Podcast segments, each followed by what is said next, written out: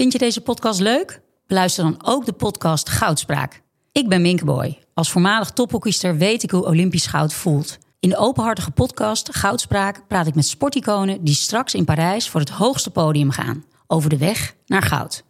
Beluister nu de podcast Goudspraak. Welkom bij mijn Drive Podcast, waarin ik, Mark Tuitert, op zoek ga naar de drijfveren van allerlei inspirerende mensen. Van atleten, ondernemers, wetenschappers tot artiesten. Meld je nu gratis aan voor Mark's Mindset en ontvang twee keer per week mijn nieuwsbrief met reflecties, tips en gedachten die jij kunt toepassen om rust en voldoening te vinden terwijl je jouw dromen achterna gaat. Meld je aan op marktuitert.nl. Ik spreek met psychiater en filosoof Damian de Nies over de hang naar controle die we als mens willen hebben over ons leven. Over wat vrijheid is, over individualisme en over het bewaken van onze mentale gezondheid in deze moderne tijden. Damian schreef een boek, Het tekort van te veel. Daar gaan we het natuurlijk over hebben. En voor de rest zou ik zeggen, luister naar en leer van Damian de Nies.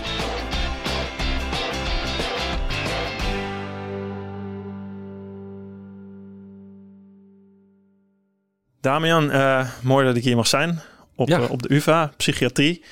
Ehm, je bent hoogleraar psychiatrie, voorzitter van de Nederlandse Vereniging van Psychiatrie. Dat was ik. Ja. Dat was, ja. Drie jaar geweest. Ja, dat is nu afgelopen. Ja, Oké. Mag maar drie jaar. En volgens mij heb je een soort essay geschreven als afscheid daarvan.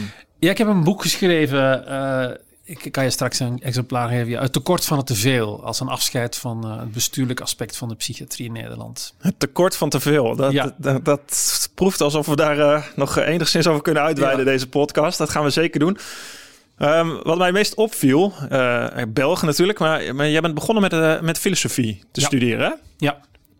Hoe, hoe, zag jouw, hoe ben je daar zo bijgekomen? Hoe zag jouw jeugd eruit? In, Ehm, ja, ik ben opgegroeid in, in Vlaanderen in een redelijk eh, klassiek, eh, ja, burgerlijk katholiek gezin, zoals er honderdduizenden in, Vlaanderen zijn.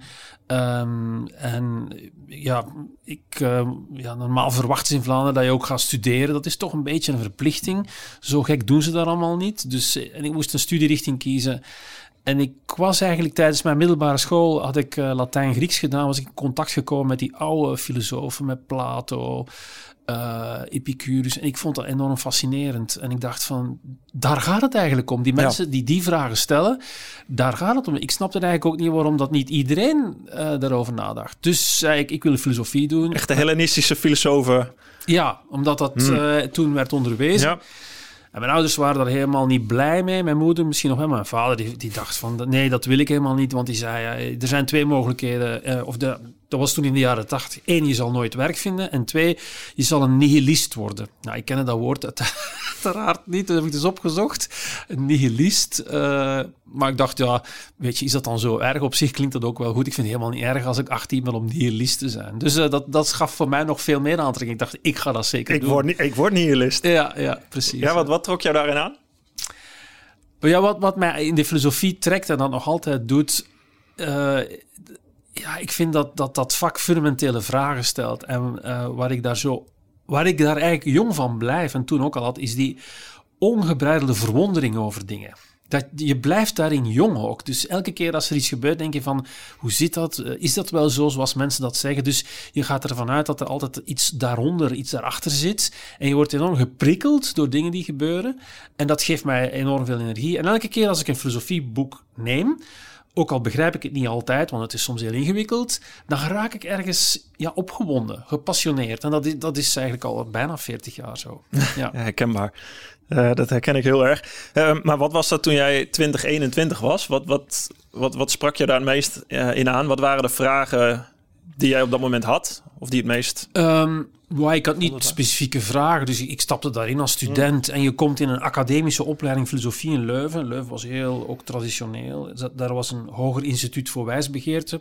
Wel gereputeerd, omdat daar heel veel Franse fenomenologen naartoe kwamen. Uh, in het Hoger Instituut voor Wijsbegeerte lag het oorspronkelijk werk van Edmund Husserl. Dat was ooit uh, uit Duitsland gesmokkeld uh, tijdens de Tweede Wereldoorlog en daar terechtgekomen. En die oorspronkelijke geschriften van de vader van de filologie werden vaak geraadpleegd door heel beroemde filologen. Dus dat had een zekere prestige. Maar ja, in het begin was dat worstelen gewoon. Ja, wat is dat filosofie? Dat is veel geschiedenis. En het tweede jaar kom ik, ontmoet ik iemand en dat was een jonge hoogleraar, was nog geen hoogleraar. En die Um, die had een seminarie over Lacan en hij begon met de vraag uh, over de paranoia, de achterdocht en de verliefdheid. En hij liet eigenlijk zien dat verliefd zijn op iemand, dat dat wezenlijk dezelfde structuur is als iemand die achterdochtig is, die aan complotten denkt. Door de betekenis die erom van. Ik dacht van, wat is dit? Ik vond dat zo fascinerend dat iemand een link legde tussen eh, wat wij als een extreem ziektebeeld uh, beschouwen en als een normaal fenomeen. En ja, die man heeft mij echt getriggerd om verder na te denken over waar ik dan nu eigenlijk nu doe. Psychiatrie, psychologie, Freud, Lacan, hoe werkt de mens? ah, het is eigenlijk een idioot wezen. We houden ons allerlei dingen voor, maar eigenlijk is dat niet zo. En dat heeft mij niet meer losgelaten. Mm. En uh, wat zei jouw vader toen? Toen, uh, toen je besloot filosofie te gaan studeren. Wat zei jij tegen je vader? Um, niet zo heel veel. Ja, hij was daar niet blij mee. Uh, en eigenlijk had hij wel een beetje gelijk. Want ja, ik was toen klaar in de jaren tachtig na vier jaar filosofie. Ja, en wat kon je dan doen? Als je heel, heel goed was, kon je eh, als filosoof blijven werken aan de universiteit. Maar dat was voor heel weinig weggelegd. Ik denk één keer om de vier jaar hmm. was er een plek. En de anderen die gingen de journalistiek in of die, die deden allemaal rare dingen ik was eigenlijk van plan om psychoanalyticus te worden en naar Parijs te gaan. Ik vond dat nogal een wilde gedachte. Um, maar dat was dan toch ook wel ingewikkeld. Dat kostte ook veel geld. Dus en, uh, toen dacht ik van ja, Freud was dokter, Lacan was dokter. Moet ik eigenlijk gewoon eerst geen geneeskunde studeren? Hoe idioot is dat dat ik over de geest nadenk en daar pretendeer iets over te zeggen? Zou ik eigenlijk niet moeten het lichaam te leren kennen? En toen heb ik besloten om geneeskunde te doen. Um, en mijn vader zei ja, prima, maar ik ga het niet betalen. Dus uh, dan heb ik geneeskunde gaan doen. Ja. En uh, wat heb, wat, was, uh, wat, kwam je daar tegen toen je dat ging doen? Uh, met je filosofische bagage? Was... Dat was niet plezierig. Ik herinner me nog dat ik het eerste jaar naar een, dan moest ik naar een laboratorium scheikunde gaan proeven gaan doen. En uh, ik stond op de trap en uh, ik had dus die, ja, die opleiding achter de rug. En dan kwam ik terug tussen jonge mensen te zitten die nog eigenlijk net van de middelbare school kwamen. En dat was heel ja, paternalistisch. Uh, dus in dat lab gaan staan en een proefje doen en een boekje schrijven. En dacht ik, waar ben ik mee begonnen? Wat een, het leek me een eindeloze weg. Zeven jaar geneeskunde om dan eigenlijk alleen die psychiatrie te gaan doen. Maar ja, uiteindelijk me doorgeworsteld. Ja, dan op zich kon ik ook wel dingen waarderen nadien die ik in het begin niet zo interessant vond. Maar ja, het, het, was, het, was, het was een, ja, een beetje af en toe een harde tijd. Ja. Hm. Maar wat heb je, wat heb je daar gewonnen aan, aan begrip of aan uh, de verwondering? Die nou, wat, wat, wat, mij als filosoof... Uh, dus als filosoof stel je heel veel fundamentele vragen. Hmm. Maar wat mij altijd duidelijk was, is dat je niet... Je denkt over het leven, maar je staat niet in het leven. Dus ik ben niet zo voor een filosoof die niet iets anders doet. Eigenlijk zou je moeten als filosoof ook echt de wereld veranderen, moeten kunnen veranderen, willen veranderen, om de relevantie van die vraag beter te begrijpen. En ik dacht van, ik zit hier maar over de dood na te denken en misschien kan ik daar wel intelligente dingen over vertellen, maar ik wil wel eens gewoon die dood zien, proeven. En daarom vond ik die geneeskunde ook heel aantrekkelijk. Dan sta je bij een lijk. Je voelt het lijden. Je wordt geconfronteerd met vragen die niet uit een handboek komen, maar die werkelijk heel belangrijk zijn. En wat ga je doen? Ga je iemand behandelen of iemand laten sterven? Dus de, dat leven kwam veel dichter bij mij door die geneeskunde. En de combinatie van filosofie, waar je abstract over het leven nadenkt, en de echte grondstoffelijkheid, dat bloed zien daarin zitten van, van die geneeskunde, die combinatie was heel aantrekkelijk. Echt de, de praktische kant van filosofie. Ja, ja. ja niet iedere filosoof uh, is het daarmee eens, maar ik vind dat filosofie praktisch moet zijn. Ja. Ben ik het helemaal mee eens. Oh ja? Oké. Okay. Ja. Jij bent een van de zeldzame mensen ja? die dat zegt. Ja, ja ik, uh, ik, ik vind uh, dat fascineert mij ook in filosofie. Ik heb het ook altijd veel gelezen naast dat ik atleet was. Maar ook puur inderdaad als verwondering van hè, hoe, hoe kunnen we onszelf... Ja, we zijn gekke wezens. We denken over bepaalde dingen na. Eh, of ik, hè, ik, ik denk dat ik een Olympisch gouden medaille moet winnen. Dat dat heel belangrijk is. Maar gaandeweg, uh, ja. wat doet dat met me? Is dat zo ik belangrijk? Heb, is dat zo belangrijk? Als je dat te veel afvraagt, dat werkt niet. Want dan... Ja dan ga je de effort niet meer doen. Maar als je het te belangrijk maakt, dan, uh, dan hang je daar alles op aan en dan werkt het ook niet. Dus hoe, Waar zit die, en dat is voor mij, kom ik heel erg uit op filosofie, op de wezenlijke levensvragen, die, die als je daar alleen over redeneert, kun je misschien inderdaad logisch gezien hele mooie constructies bouwen, maar of het praktisch daadwerkelijk werkt, ja, Ja. Dat, dat vind ik Ja. nu ook met ondernemen en met, daarom vind ik filosofie eh, fantastisch. Wat, als je zou zeggen voor jezelf, hè, je, je werkt al eh, heel lang als psychiater, Eh, ben je een filosoof of een psychiater? Of, Ik zeg altijd, ja, psychiatrie is voor mij een beroep. Daar verdien ik mijn geld mee. Dat is een vak ook. Hè. Eigenlijk is psychiatrie iets heel technisch gewoon. Een vak zoals iedereen doet, zoals jij eh, een technisch schaatst, Mhm. eh, is voor mij psychiatrie ook een vak. Hè. Maar daarna, eh, filosofie is voor mij wel een levenshouding. Dat, is, dat voel ik echt als een manier die ik aangeleerd heb om naar dingen te kijken. Dat is voor mij veel fundamenteler. Hm? En ik zou niet die psychiatrie kunnen doen zonder de filosofie. En voor mij is die filosofie rijker geworden door ook die psychiatrie. Ja, want jij gaat in de psychiatrie eh, om met, met menselijk lijden. Ehm, ik, ik heb het zelf, mijn moeder die, die was zwaar depressief. Eh, dat, dat heb ik enigszins nou ja, gezien van de zijkant. Hoe, hoe, ehm, hoe verhoud je je daartoe? Hoe, hoe kijk je daar tegenaan? Mensen die, ehm, ja, die zo lijden onder, onder, onder geestelijke last. Met veel onmacht.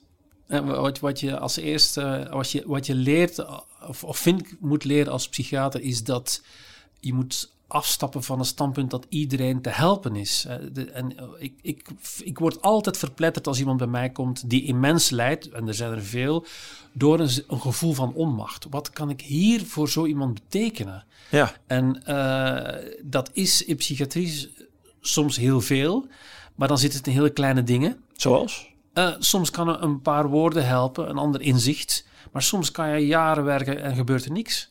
Omdat, het, omdat je niet verder komt. Dus je moet jezelf ook wapenen tegen ehm, het veel verlies in je werk. Het is, niet- het is niet altijd zo succesvol.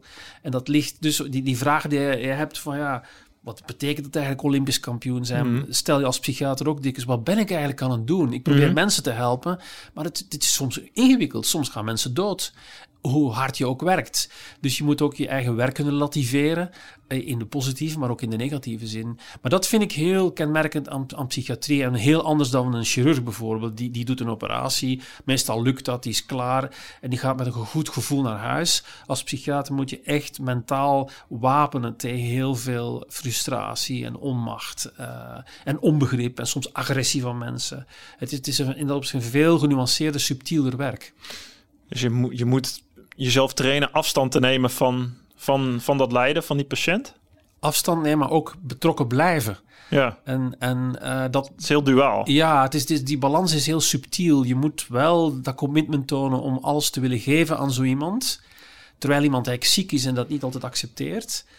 En niet oversteld, overweldigd worden door het lijden van de ander, die soms gewoon in je gezicht wordt gegooid. Hm. Dus het vinden van die balans is volgens mij een grote uitdaging voor een psychiater. Om te blijven geloven, vertrouwen te hebben in je vak, wat je kan, in je skills. Maar ook op tijd te zeggen van kijk, ik moet nu een stap terugzetten. Dit, dit red ik niet. Dat gaat niet. Want als je te veel met iemand meegaat, dan ga je er ook onderdoor. Als je te weinig met iemand meegaat, dan voel je niks en dan gebeurt er eigenlijk ook niks. Hoe, doe je, hoe doe je dat zelf? Ehm, ik, ja, daar denk ik dat die filosofie mij wel helpt. Eh, voor, ik vind dat geen emotie. Ik, wat- ik vind het een interessante vraag. Volgens mij die, de- een van de meest interessante vragen die ik ooit op mijn vak gehoord heb, die je nu stelt. Hoe doe je dat?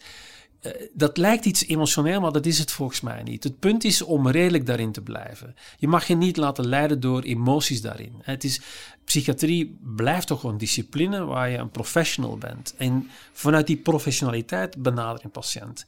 Het heel bizarre in onze samenleving is dat wij van elke psychiater verwachten dat hij meer levend is en steunend en blij. Dus wij verwachten heel veel emotionele terugkeer van zo iemand. Dat Terwijl- iemand het, dat lijden erkent. Dat er erkennen moet je sowieso Ja. doen. Maar je hebt niks aan een psychiater die meehoudt of die zegt hoe erg het allemaal is. Nee. Je hebt een professional nodig die die afstand creëert en die op een redelijke manier zich daartoe verhoudt. Dus als je aan mij vraagt hoe doe je dat, ik denk dat die filosofie mij helpt om vanuit de redelijkheid die mij wordt geboden, van die zinnen, die concepten, om daar op een blijvende, rationele manier naar te kijken. Net zoals de Stoa eigenlijk een redelijke manier tot dat leven heeft eh, tot stand gebracht, waar jij eigenlijk daarna prettig emotioneel kan leven. Ja, ja dat vind ik fa- fascinerend aan, aan Stoïcijnse filosofie. En dat al duizend jaren wijsheid in zit. Dat, dat je inderdaad van die emoties niet ze wegdrukt. Eh, ze accepteert dat ze er zijn, maar een manier vindt om daar toch rationeel onder te blijven handelen. Ja. Eh, zonder dat het je laat bevangen. Eh, daar haal ik daar heel erg in uit. Dat, dat is ook mijn toepassing van filosofie eh, in het leven. En we krijgen allemaal dingen naar ons toe. En je hebt wel, denk ik, een onderscheid. Ik ben benieuwd hoe jij dat ziet. Mijn, mijn moeder was jarenlang zwaar depressief. Je hebt natuurlijk aan de ene kant echt mensen die, die echt ziek zijn. En volgens mij heb jij daar ook eh, een mening over. Ja. Daar heb ik jou vaak over gehoord. Je hebt ook een hele rits mensen in onze moderne maatschappij. ik hoorde je net al mooie dingen zeggen over. Hè, wij, wij, wij zijn nou ja, op papier welvarender dan ooit. Misschien gelukkiger dan ooit. Zou je dan, als Ja. je de definitie van geluk daaraan zou koppelen, wat ik denk een hele slechte definitie zou vinden, maar dat wordt gedaan, zou je gelukkiger moeten zijn. Maar aan de andere kant eh slikken een miljoen mensen antidep- antidepressiva en he- hebben ze het Ja. mentaal zwaar. Ehm, eh, wat je nu ook met corona natuurlijk voorbij ziet komen. Hè? Je had het al over je afstand bewaren. Nou, tegenwoordig als je het journaal opent, eh, social media bekijkt, dan is die afstand totaal weg. Het is natuurlijk meteen reactionair. Eh, en als je niet empathisch bent en meeleeft, dan ben je een eikel. Ja, dat is Eh, waar. en als je dit, het Ja. is heel zwart-wit geworden. Hoe kijk jij daarnaar? Hoe, hoe, is dat, hoe verhoudt zich dat? dat aan de ene kant, dat, dat, dat is echte ziektebeeld, het zware ziekte. Dat zijn denk ik de mensen Ja. die jij behandelt. En, en aan de andere kant een heel soort grijs gebied. Ja. Ja, dit, is een beetje een stokpaardje geworden. Wat, wat mij verdriet is dat in Nederland eh, heel veel geld aanwezig is, kennis. Maar dat je ziet dat de mensen die echt psychisch ziek zijn, met de klassieke grote psychiatrische ziektebeelden, schizofrenie, depressie, bipolaire stoornissen, dat die niet echt goed behandeld kunnen worden of worden behandeld. Sommigen wel, maar anderen minder. Dat er enorme wachtlijsten zijn. En dat heeft te maken met, met het systeem dat we zo hebben ingericht. Dat de moeilijk behandelbare patiënten op de zijkant worden geschoven. En dat onze voorkeur hebben om mensen met lichtere klachten te behandelen. Omdat iedereen bijna nu een beetje psychisch ziek is geworden. Ja, En je hoort het ook constant. Hè? 80% van de mensen is angstig en depressief. Dus we hebben die ziektebegrippen ons toegeëigend, omdat er geen normale begrippen meer zijn om ons lijden tot expressie te brengen. Als je zegt, ik ben een beetje verdrietig, dan denken, men, dan mensen, ja, dat zal wel, maar zet je er bovenop, dat wordt niet ernstig genomen. Maar als je zegt, ik ben depressief, want ik ben naar de dokter geweest en ik gebruik antidepressiva, oei, dan, dan plotseling krijg je de aandacht. Dus wij gebruiken ziektebeelden om erkenning te krijgen voor ons lijden. En dat is eigenlijk niet de goede manier. Dat is één. En ten tweede, ja, we mankeren door die welvaart een zekere ja, weerbaarheid. We zijn echt, echt heel sensitief geworden. zijn we watjes geworden? Wel, watjes, dat, dat, het, het- ik, hoop, ik wil het niet zo negatief stellen, maar we, we hebben, ook wat ik daarnet zei, enorm veel... We zijn geobsedeerd met ons subjectieve, emotionele welzijn. Iedereen is continu bezig van, doe ik het wel goed, ben ik wel gelukkig?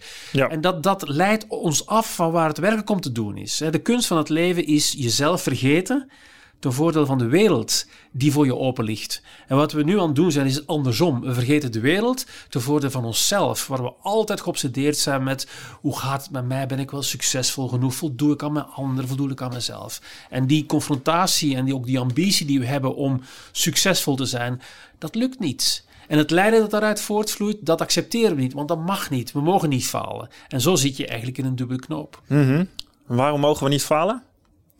Omdat het niet past bij het beeld dat we van iemand hebben. Iedereen die nu geboren wordt, leeft in een welvaartswereld waar alle kansen worden geboden. Wij denken dat we maakbaar zijn. En we gaan zijn overtuigd dat als ik iets bereik, dat ik het zelf ook kan. En daar zijn de, de mogelijkheden onbegrensd. Iedereen kan een rockartiest worden, of een rapper, of op de wereldrijd doorkomen, of een bekend acteur zijn, of een groot schaatser, als je maar je best doet. Uiteraard is dat niet zo.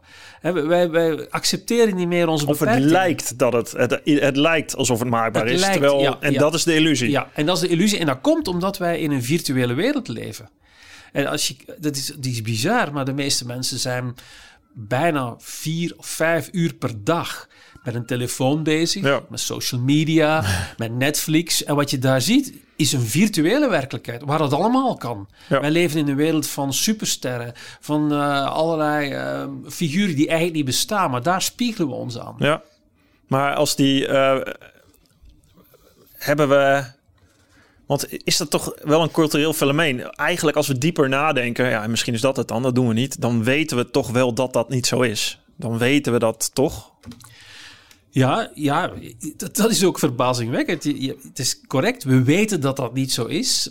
Maar blijkbaar is die verwachting zo groot dat we daar moeilijk afstand kunnen van nemen. Natuurlijk wil niet iedereen Superman worden. Op een kleiner schaal zie je dat ook. Al- Als iemand 18 jaar is uit die middelbare school komt, dan kan die kiezen tussen 3000 verschillende richtingen. Het is massaal. Wij leven ook in een enorme geglobaliseerde wereld waar alles mogelijk Ja. is. En zo mensen, dat, dat lukt niet meer. Je Is dat te groot voor mensen is- om te beseffen? ja, het is te groot en het gaat te snel. Je- Van je- ik kan alles, de hele wereld, dus help. Ik, Ja, als ik het niet, als ik de kans niet pak, dan, ja, dan ligt het echt totaal helemaal aan mezelf. dan ligt het dan... Ja, inderdaad. Dus de verantwoordelijkheid ligt op onszelf. Ehm, de keuzes zijn massaal. De globalisering is van die aard dat we continu informatie krijgen. En je, je kan eh diepduikleraar worden in Australië. Je kan, dus noem maar op. Alles Ja. is tegenwoordig mogelijk. Er zijn geen grenzen.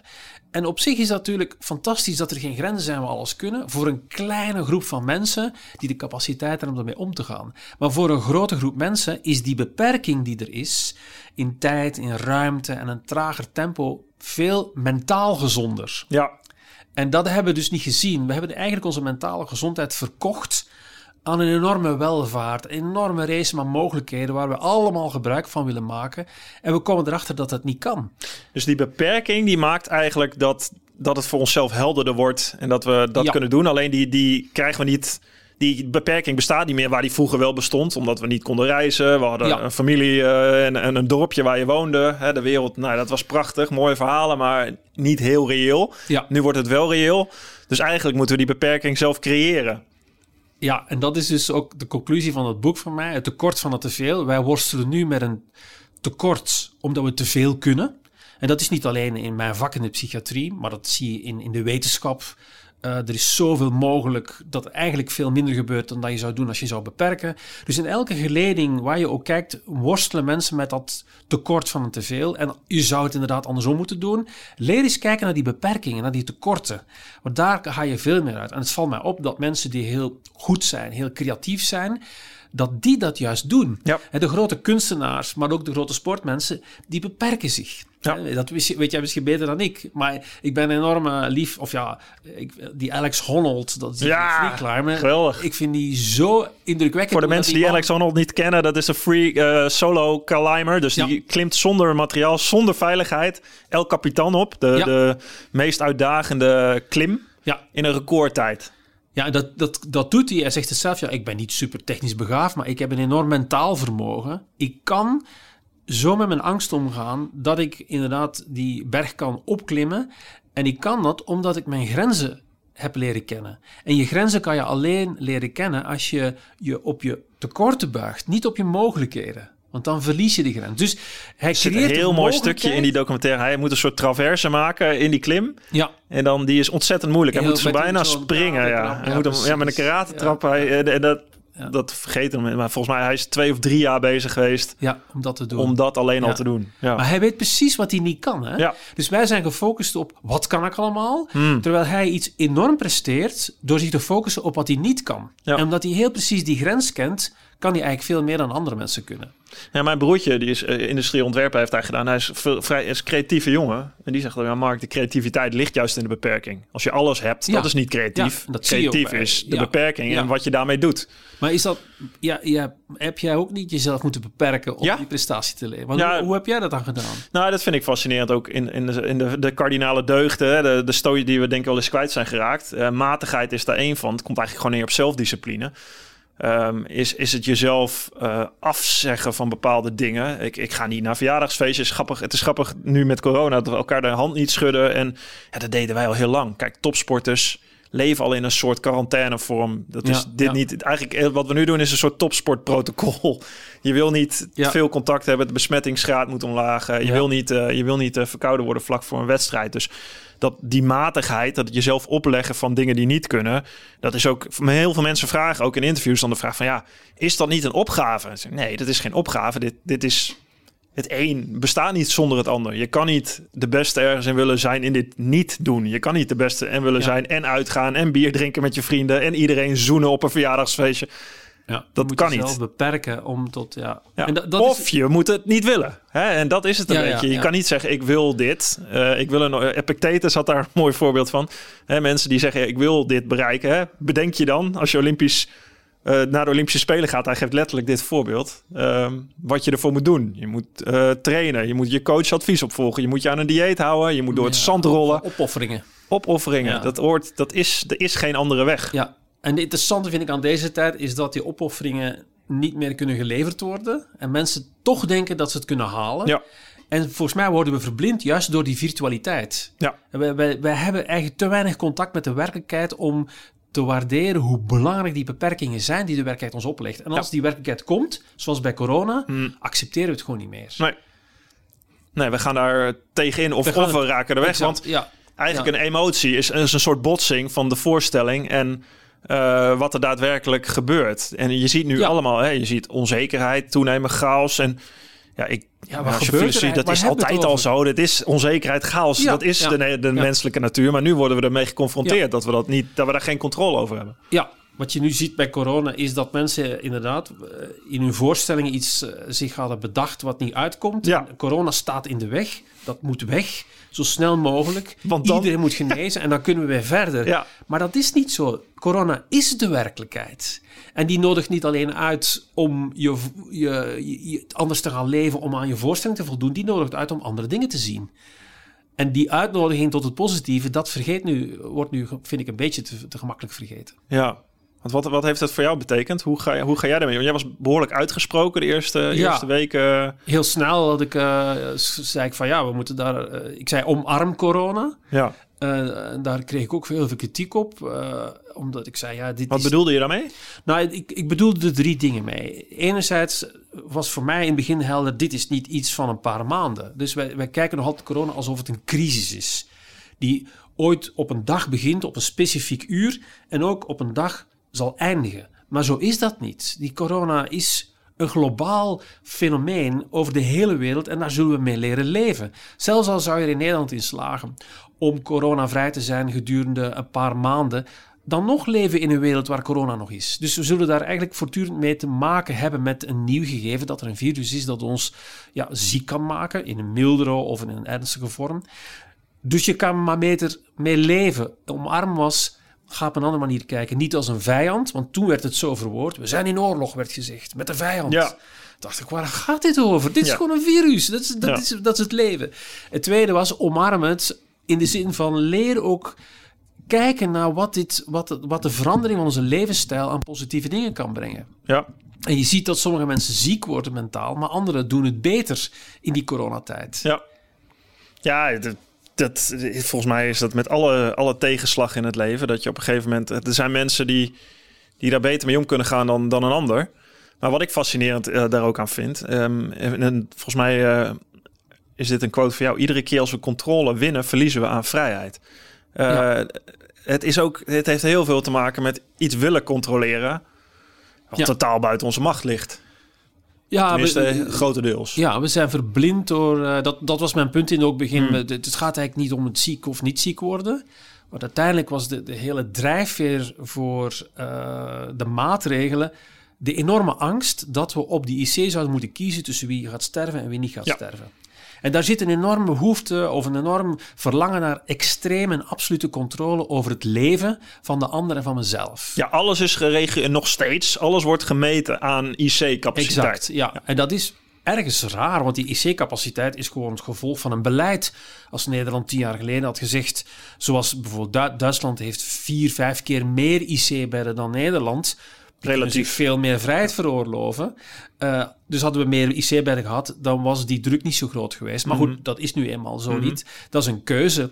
Maar er zit dus meer een, een, een soort van bizarre, absoluut verlangen naar controle achter dan werkelijk het bestrijden van dat virus. En we hebben ons meer laten leiden door die, dat verlangen naar controle, denk ik, dan op een redelijke wijze gaan kijken hoe je dat virus kan bestrijden. Mhm. Ehm, want je wil, je wil toch eigenlijk ook dingen controleren als mens? Dat is toch fijn? Dingen, uitkomsten kunnen controleren. Ik, wel, ik heb me dat altijd afgevraagd waarom je iets zou willen controleren. Dat, dat snap ik dus niet. Volgens mij berust dat op een enorm misverstand.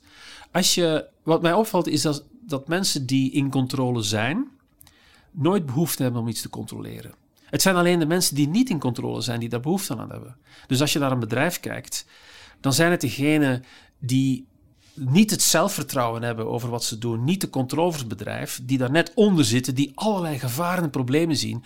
Maar de CEO, degene die aan de top staat en die alles overziet, die zelden heeft hij het gevoel dat hij niet in controle is. En die heeft ook niet de behoefte om al die veiligheidsmaatregelen toe te passen. Dus het controle willen heeft te maken met de manier hoe jij als persoon risico's inschat in die wereld. En die risico's die je inschat in de wereld hebben weinig te maken met de echte risico's, maar hebben veel meer te maken met jouw behoefte aan controle. Ja. Hoe meer controle je wil, hoe gevaarlijker de wereld wordt. Hoe minder controle je wil, dus te prettiger is het om in die wereld rond te gaan. Omdat je aanvaardt dat dingen zijn zoals ze zijn. ja. Het accepteren, het aanvaarden is eigenlijk de ultieme controle. Ja, Ja. Aanvaarden, eh, ja het aanvaarden eh, betekent dat je eh, in controle bent omdat je niet in controle wil zijn. Ja. ja, grappig. Dat is ook precies, eigenlijk in de topsport noemen we dat flow. Eh, het ultieme presteren op het moment dat je eigenlijk bijna een soort autotelische ervaring hebt, dat, dat alles vanzelf gaat. Ja. En dat heb ik ook uit eigen ervaring, weet ik dat inderdaad. Dat is de manier waarop je niet meer nadenkt over hoe je alles precies zou moeten doen, maar het maar laat gebeuren. Je eraan overgeeft en er maar op vertrouwt dat je training, hè, de, je, je kennis, dat dat, dat dat genoeg is eh, om het, Want om als het je daarmee niet te in doen. die flow komt, dan lukt het waarschijnlijk. Dan ga je verkrampt. Dan probeer je dingen te... Ja. Ik zeg altijd, ik maak het vergelijking wel eens... je kan een duizendpoot niet leren dansen. Je moet de muziek aanzetten. Je kan er niet de duizenden Ja. poten leren bewegen. Maar eh, je kan wel ja, iemand in die flow laten komen. Juist door dat... Door, en dat heeft te maken, denk ik, met, met, met je denken. En dan kom je weer op filosofie uit. Het is natuurlijk heel...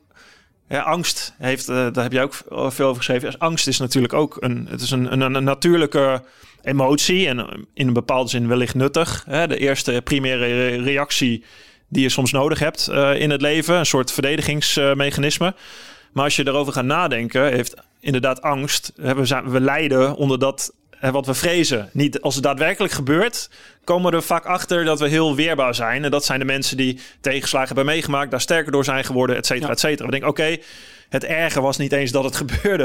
Eigenlijk voel ik me nu prima dat het is gebeurd. En Ja. sterker nog, het heeft me sterker gemaakt omdat ik veerkracht heb getoond om ermee om te gaan.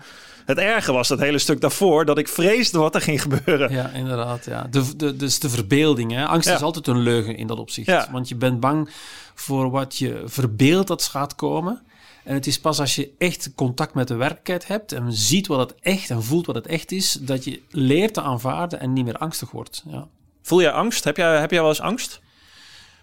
Ja, ik heb wel eens angst. Eh, ik, heb, ik heb soms, eh, zoals iedereen, soms van die milde gevoelens van onrust en gespannenheid. Dat ik denk, wat is dat nu? Dat ik het niet aan iets kan koppelen.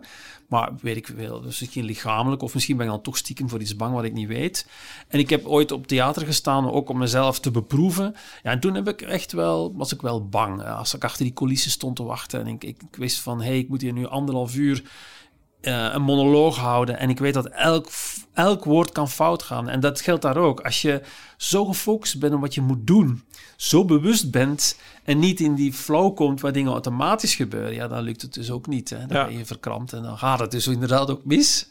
ja, ging het ook mis? nou ja, je leert wel ermee omgaan, maar je moet dus ervaring opdoen, expertise, en ik denk dat zoals bij het schaatsen ook is, betekent dat je de kans moet krijgen om fouten te maken. Dus je moet dikwijls op dat podium staan om te voelen wat het is als iemand plotseling kucht in die zaal op een belangrijk woord. Of als je naar iets toe en plotseling aan een telefoon. Of mensen lopen weg. Of je bent eens je tekst vergeten omdat het licht verkeerd is opgehangen en die cue mist.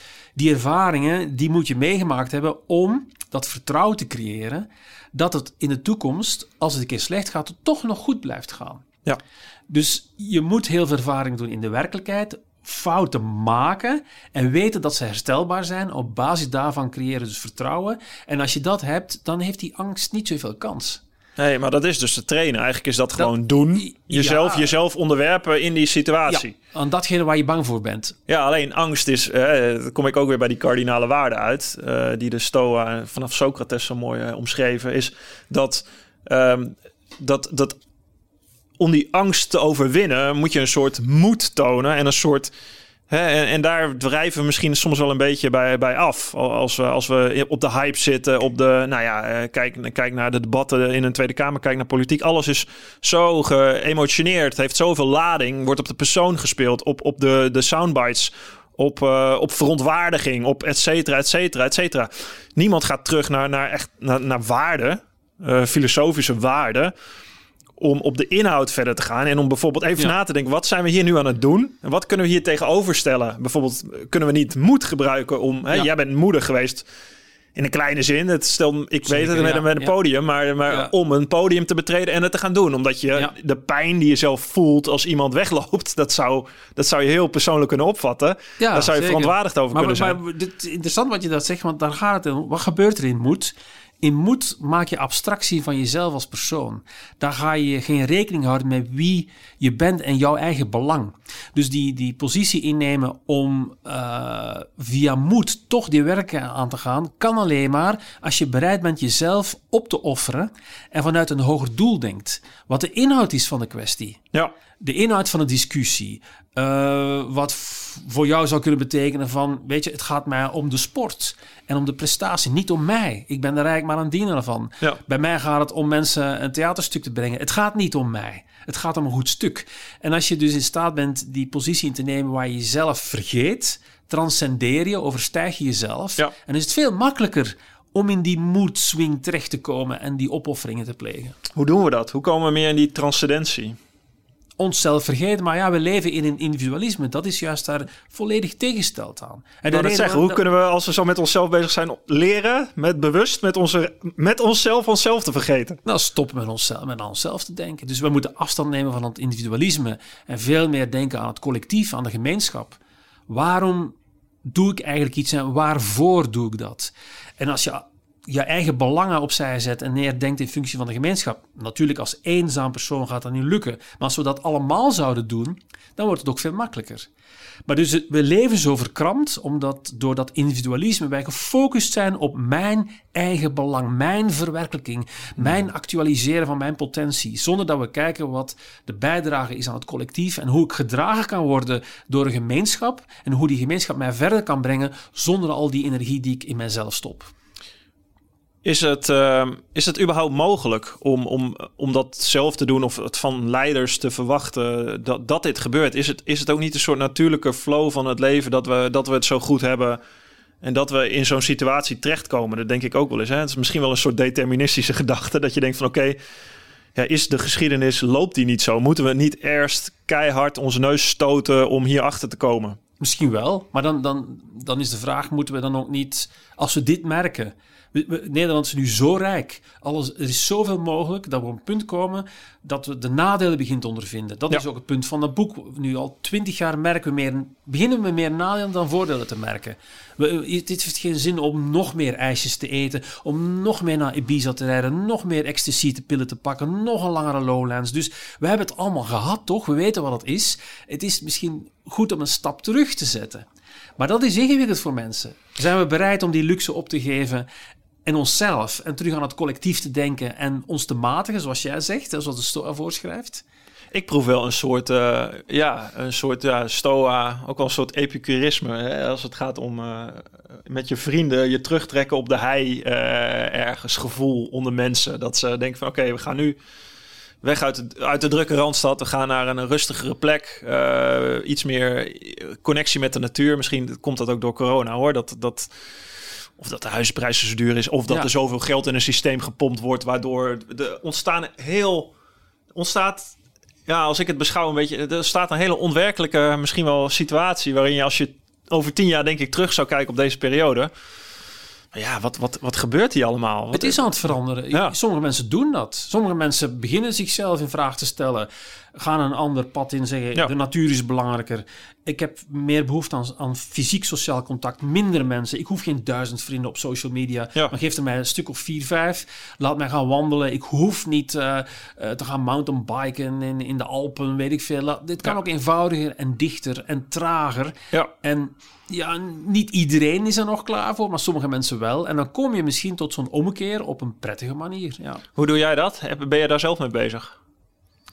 Met hoe jij je leven inricht. Hoe je... Ja, ik, ik worstel er ook mee, want ik ben ook natuurlijk... Ja, ik vind het ook prettig om af en toe gewoon in, in de bank te liggen, niks te doen, Netflix te kijken. Maar ik, ik probeer mij wel... Ik, besef, ik, ik, ik merk dat ik mij beter voel als ik mij voor die uitdagingen plaats. Als ik toch hard ga lopen, toch ga fietsen. Als ik toch in die tuin ga werken terwijl ik eigenlijk geen zin heb... en een paar uren ga hout zagen of weet ik veel... Uh, als je dat doet, dan valt mij op dat ik in het begin soms wel aarzel of twijfel, maar nadien zoveel blijer ben. Ja. Dus ik heb nu proberen voor mezelf voor te houden hoe meer weerstand ik voel om iets te doen, dus te veel plezier krijgen nadien van. Dus doe het. Ja. ja. Het lukt niet altijd. Ja, ja, eigenlijk moet je dat groot op de muur schrijven. Ja, hoe, hoe meer ik het niet wil, hoe meer ik het zou moeten doen. Ja, hoe meer. Ja, ja. Want jij hebt uh, zoons, hè? Drie, ja, ik heb drie zoons. Drie zoons. Ja, ja. Um, wat, wat, wat geef jij die mee? Ben jij daarmee bezig? Wat je ja, zeker. Ja, ik, ik heb een beetje een, een moeilijke vaderrelatie gehad. Dus ik was altijd wel bang dat ik het verkeerd zou doen. Dat, angst? Ja, wel angst niet in de zin dat het mij verlamde. Maar ik dacht van, hoe kan ik ontsnappen aan de manier hoe mijn vader mij heeft opgevoed? Uh, en dat was... Want dat was? Nou ja, hij, hij, was, eh, ik vond hem een moeilijk man. Hij was heel uh, met zichzelf betrokken en, en nooit was iets goed. Uh, en, en ja, lachte mij vaak uit. En, ja, dus ik had niet het gevoel dat hij mij echt herkende zoals ik was en ook niet tot ontwikkeling kon komen.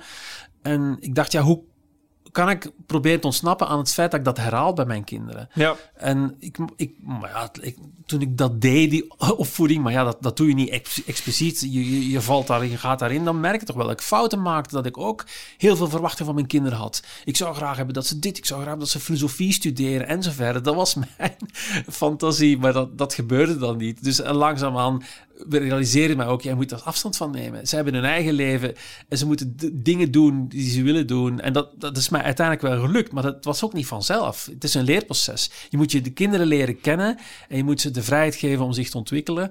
En ook de fouten laten maken. En soms is dat lastig als vader, want je staat erbij en je wil dat het je bent bang dat het inderdaad voor hun verkeerd gaat aflopen. Dat is misschien wel angst. Niet voor jezelf, maar voor het ander. Ja, dus we eigenlijk hè, we willen het goede doen voor iemand anders. Maar als we daar ons te veel mee gaan bemoeien, dan ontnemen we de kans voor iemand anders om het ja, voor ja, stel, te doen. Stel dat je zoon uh, uitgaat en, en, ja. uh, en, en, neemt wat cannabis en je denkt van, oh, kom aan, niet te veel alstublieft, drink niet te veel. Ja. Hoe, hoe, hoe is die balans tussen sturen, weten wat, wat zij willen, hun de kans laten om, om dat ervaren en te falen en, en dat niet doen. Dus dat Mhm. vind ik echt heel ingewikkeld aan, aan ouderschap. En wat geef je eh, hun mee als het gaat om die balans tussen individualisme, collectief en het collectief belang? Of iets voor een ander doen? Want Daar ben ik helaas nog niet in geslaagd. Ze- zijn te jong, denk ik, 21, Ja. 19, 18. Dus ik probeer ze nu mee te geven dat ze wel dat ze gewoon eh, een, een passie moeten volgen. Dat vind ik belangrijk. Die, die drijf in, Ja. iets vinden in je leven wat je graag doet. Ja. Daar moet je voor gaan. En probeer die algemene waarde niet uit oog te verliezen. Het gaat niet om jezelf. Het gaat om de totaliteit. Maar ik weet niet in hoeverre... Ah, het zijn ook wel mannen op, op een, een 19, 20 jaar, zo'n beetje. Ja, die, ah, dan zit je wel een beetje in de leeftijd ook dat je een soort. Ik denk dat dat voor mannen meer geldt dan voor vrouwen. Denk ik dat je een soort. eh, ja, een soort, essentiële uitdaging nodig hebt, misschien toch wel om, om jezelf, om je persoonlijkheid te manifesteren. dat je, Ja, voor mannen is het nu moeilijker ook, denk ik. ja, toch? Want de waarden die zij najagen, die worden niet meer zo algemeen eh, erkend of, of gewaardeerd. Eh, dus mijn, mijn tweede wil, die wil het leger in nu. Die Ja. wil bij de commando's. Hm. Ja, daar moest ik ook aan wennen. In het Nederlands is Vlaming ook. Hè? Dus hij heeft zich nu laten natu- naturaliseren tot Nederlander. En hij wil het Nederlands leger in.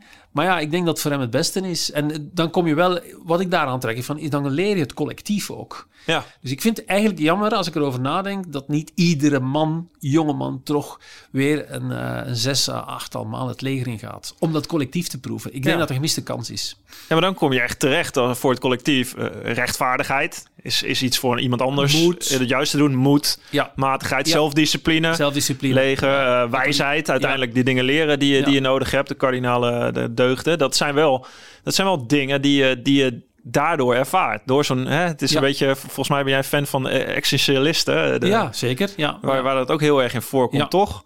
ja. Hè, de, de Sisyphus die, eh, die de rots omhoog duwt en eh, dat... dat telkens eh, opnieuw moet beginnen. telkens opnieuw moet beginnen en eigenlijk eh, daar maar eh, hè, amor fati van. Nietzsche het, eh, het lot niet alleen accepteren, maar het ook nog liefhebben, het lijden eigenlijk liefhebben.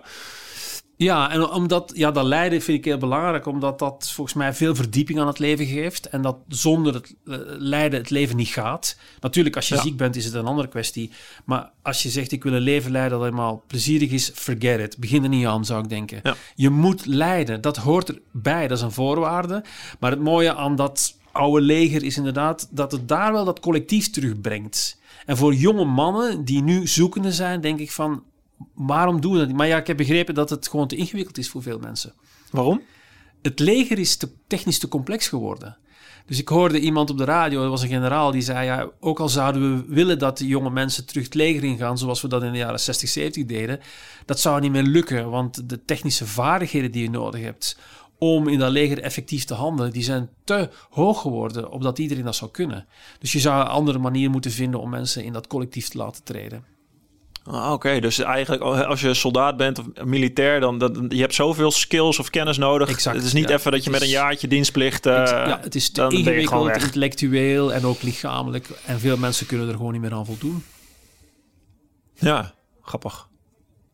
Ja, want het is, het is ook om leren gaan met, met helemaal, met militairen natuurlijk ook, om leren gaan met de mogelijkheid om dat je, dat je een kans hebt dat, dat je in een strijd verwikkeld raakt om, om leven en dood. Dat je Je kan fysiek, sterven. dat je kan sterven, dat Ja. je fysiek eh, je Ja. mannetje moet staan, dat je, je- een land, een familie verdedigt, een, ja, een, een je, gemeenschap. Ja, een idee. Ja, Je staat voor een bepaalde vorm van vrijheid, democratie waar je achter staat. ja, Niet jezelf. En je bent afhankelijk van de anderen. Dus ik- er zitten heel veel waarden in die we opzij geschoven hebben Ja. voor onze individuele vrijheid in de jaren 60. Dat is ook fantastisch. ja. Maar misschien is het toch Hoe, wel- hoe, hoe, hoe, eh, hoe, hoe maken we daar een soort symbiose van? Van inderdaad, die vrijheid is ook geweldig. eh, die, we, die, we hebben, die we hebben. We hebben heel veel verworvenheden, denk ik. eh, en, en we leven in een prachtige samenleving. En aan de andere kant hebben we toch die behoefte en geeft de echte waarde ons het collectief waar we.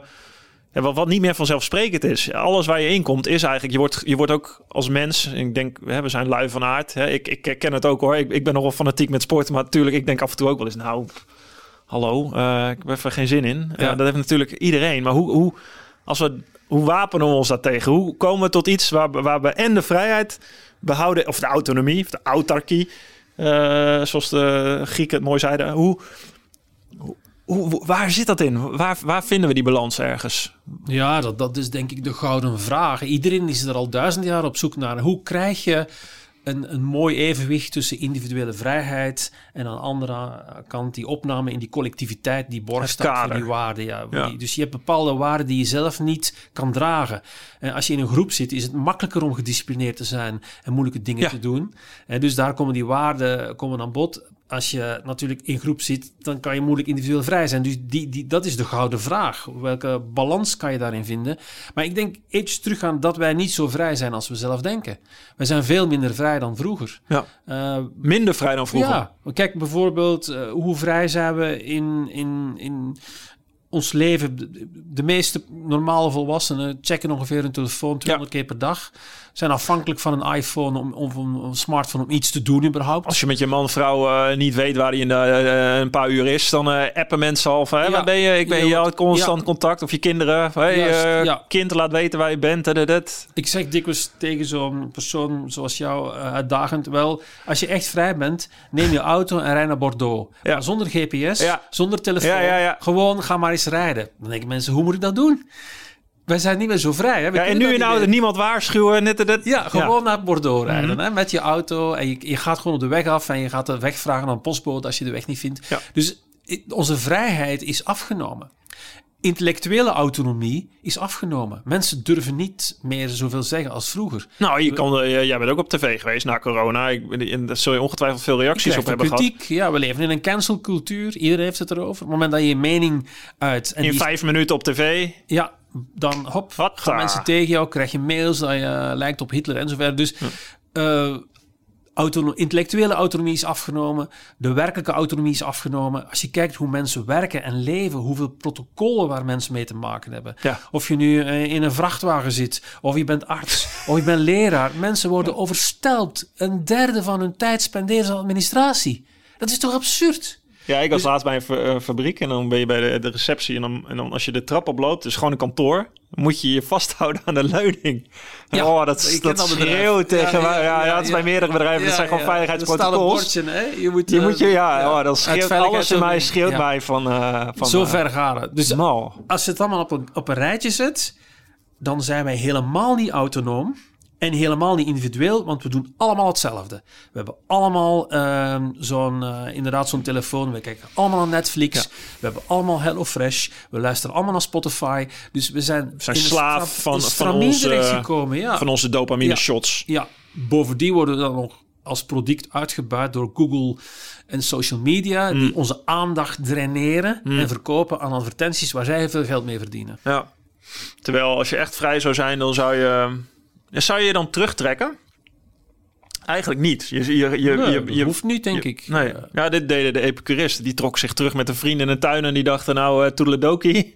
Wij gaan lekker bier drinken en met elkaar over het leven praten. Terwijl de st- stoa inderdaad stoïcijnen, maar ik denk ook wel de e- existentialisten meer... Ja, die hadden misschien een minder antwoord erop. Maar hè, zich wel een soort maatschappelijke rol aanmaten. En dachten, hey, we hebben een, een, je hebt ook een plicht, ook richting de we- wereld, richting andere mensen, om, om het goede te doen. En niet alleen voor jezelf. Om het goede te doen voor jezelf, is het voor een ander het goede doen. En vice versa. Dus Ja. het gaat samen. Het zit in onze menselijke natuur. Eigenlijk als we handelen volgens onze menselijke natuur, dan houdt dat in. Maar dat is denk ik, eh, Dat we dat zoals doen. je zegt, de, een beetje de crux. In ons idee is vrijheid het meest mogelijke kunnen en doen. Ja. En we zien vrijheid als eh, het lot winnen, 30 miljoen, en dan Ja. op een jacht alles kopen. Maar vrijheid is dat niet. Hè? Vrijheid betekent eigenlijk zoveel mogelijk in harmonie leven met wat jij kan als persoon. Ja.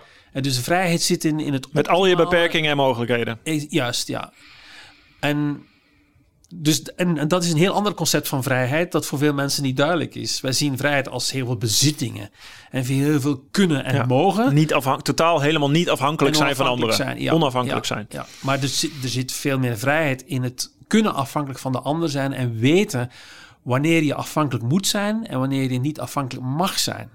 Dat is, eh, gaat, staat garant voor veel meer vrijheid dan absoluut alleen maar eh, onafhankelijk te willen zijn. Weten wanneer je afhankelijk Ja, moet zijn en mag zijn. ik ben afhankelijk van mijn vrouw, van haar liefde. Ja. Nou, ik, ik kan daar nooit aan ontsnappen. Nee. Idioot, waarom zou ik dat willen doen? Ja. Ik heb er behoefte aan. Maar ik ben ook blij dat ze daar onafhankelijk van mij kiest. Want stel dat ik haar in mijn macht had, wat zou die liefde waard zijn? Ja. Dan is het een prostituee. Dat wil ik niet. Ja. Ik wil een onafhankelijke vrouw die beslist of zij al dan niet op mij verliefd is. Ja. En dan kan ik genieten daarvan, maar ik Ja. blijf er afhankelijk van. Ja, in die zin, eh, totale autonomie be- bestaat niet. Nee, nee, dat is bestaat. Maar we hebben daar Gelukkig een beeld van. Ja. Ja. ja, we hebben het verkeerde het beeld daarvan is als we alle onze lijnen om ons heen doorsnijden, dan, dan zijn we totaal vrij, maar dan zijn we dus ook helemaal eenzaam en alleen. Wat, wat je nu ziet in de samenleving. Ja, We zijn bang, eenzaam, alleen en we proberen kunstmatig, eh, hedonistisch ons plezier te verschaffen via allerlei kunstmatige middelen. ja we proberen eigenlijk die connectie met anderen. eh, we, we- aan de ene kant willen we helemaal alleen zijn, totaal autonoom. En inderdaad, de, de emotionele connectie, die, die roepen we kunstmatig op via social media, via tv, via... Ecstasy of pilletjes. ja, of, ja, eh, ja. dat is- dat- eh, onderschat niet hoeveel drugs er circuleert. Hoeveel mensen dat gebruiken als compensatie voor dat tekort. ja, Daar hebben, als je alcohol, eh, sigaretten, maar ook allerlei eh, reguliere drugs bij elkaar optelt, dat is massaal. Ja, ik zeg wel eens, je kan, je kan, je kan ervoor te kiezen om in, in de realiteit te leven met al zijn beperkingen of in een fantasiewereld te Ja, leven waar misschien dan- alles mogelijk is, maar dat is dan een fantasiewereld. Ja, maar ik, ik denk dan realiteit met al zijn beperkingen. Ik heb nog, no- ik, de realiteit is veel rijker Ja, dan de fantasie van een pilletje. Ja. Ik, bedoel, ik bedoel, ik heb geen behoefte aan een nog ingewikkelder leven, want het leven is al zo boeiend en aantrekkelijk. ja. Maar komen we dan uit bij, de, bij het masker wat we gebruiken om, om niet de...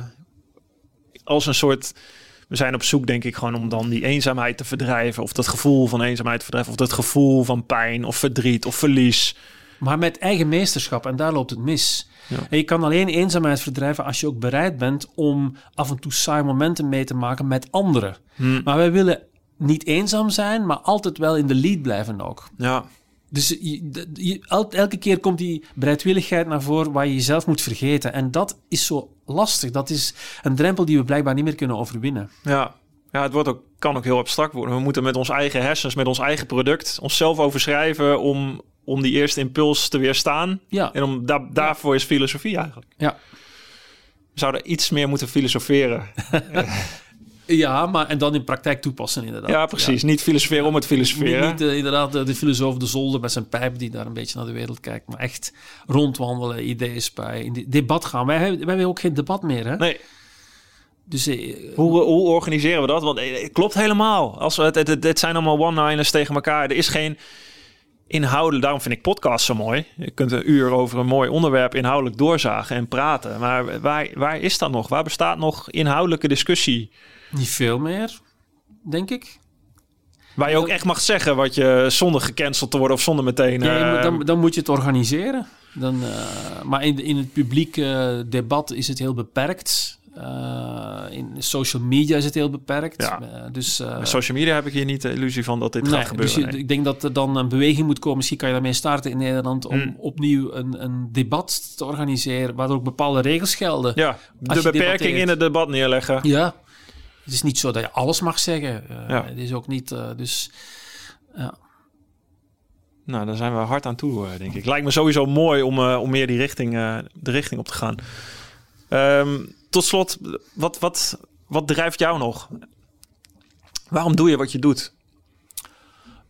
Nou, ja, omdat ik, ja, ik heb ook erkenning nodig. Hè. Ik, ik betrap me er zelf op dat de dingen die ik doe, ehm, dat ik dat ook doe omdat ik graag erkend wil worden als persoon. Dus ik, ja, iedereen heeft dat.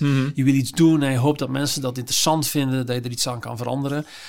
Maar ik heb het geluk dat eh, ik ja, makkelijk geprikkeld kan zijn door nieuwsgierigheid in wat zich eh, afspeelt. Ik kan een boek pakken of iets zien en eh, ja, dat, dat leidt mij makkelijk af. Ik raak makkelijk gepassioneerd door iets.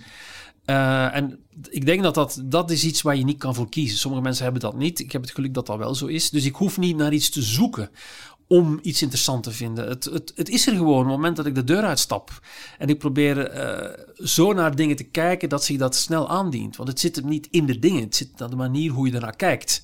En overal zit een verhaal of iemand met iets te vertellen heeft of kan je iets nieuws leren. En als je met die attitude kan leren kijken, als je dat jezelf aanleert, ja, dan is die wereld zo rijk, dat, zo fantastisch, dat bijna ja, elke drie minuten iets is wat je Verwonder je jezelf? Ja, ja. Terwijl je ook eh, de andere kant van, van, van het leven hier ziet in je, in je dagelijkse praktijk met mensen die je. En daarom hecht dat- ik er ook zoveel belang aan, omdat ik het inderdaad zie dat het anders kan. Mensen die dat niet meer kunnen. In Ja. een depressie is dat het eerste wat wegvalt. Hè. De, de interesse, het meegenomen worden door die wereld, dat valt gewoon dicht. Mensen hebben er geen toegang meer toe. En waardoor men immobiel wordt en lusteloos en niet meer kan genieten.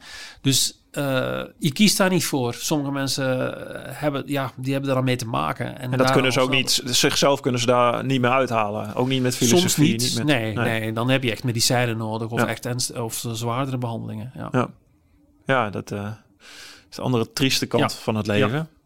Maar gelukkig, eh, als we dat niet hebben, dan is er heel veel mogelijk door Als jezelf te dat niet verwonderen. hebben, is het niet zo ingewikkeld om door de wereld gefascineerd te raken. Hm. Dus voor mij is het leven dan ook... eh, het is een geschenk. Ik, ik, ik, daarom, wat mij dikwijls ook drijft, is een zekere dankbaarheid. Dat ik mag leven zoals ik nu leef. Ik, ik zie dat het is niet vanzelfsprekend. Nee. Er zijn veel mogelijkheden om een slechter of een onaangenaam of een ziek leven te leiden. Dus elke dag dat je leeft en die kans krijgt om je te verbinden met die wereld en met Ja. anderen, daar moet je dankbaar voor zijn, vind ik. Het is een fundamentele houding. Fundamentele houding, ja. Ik eh, hoor Seneca hier eh, inderdaad. maar dat is heel veel mensen natuurlijk die dit...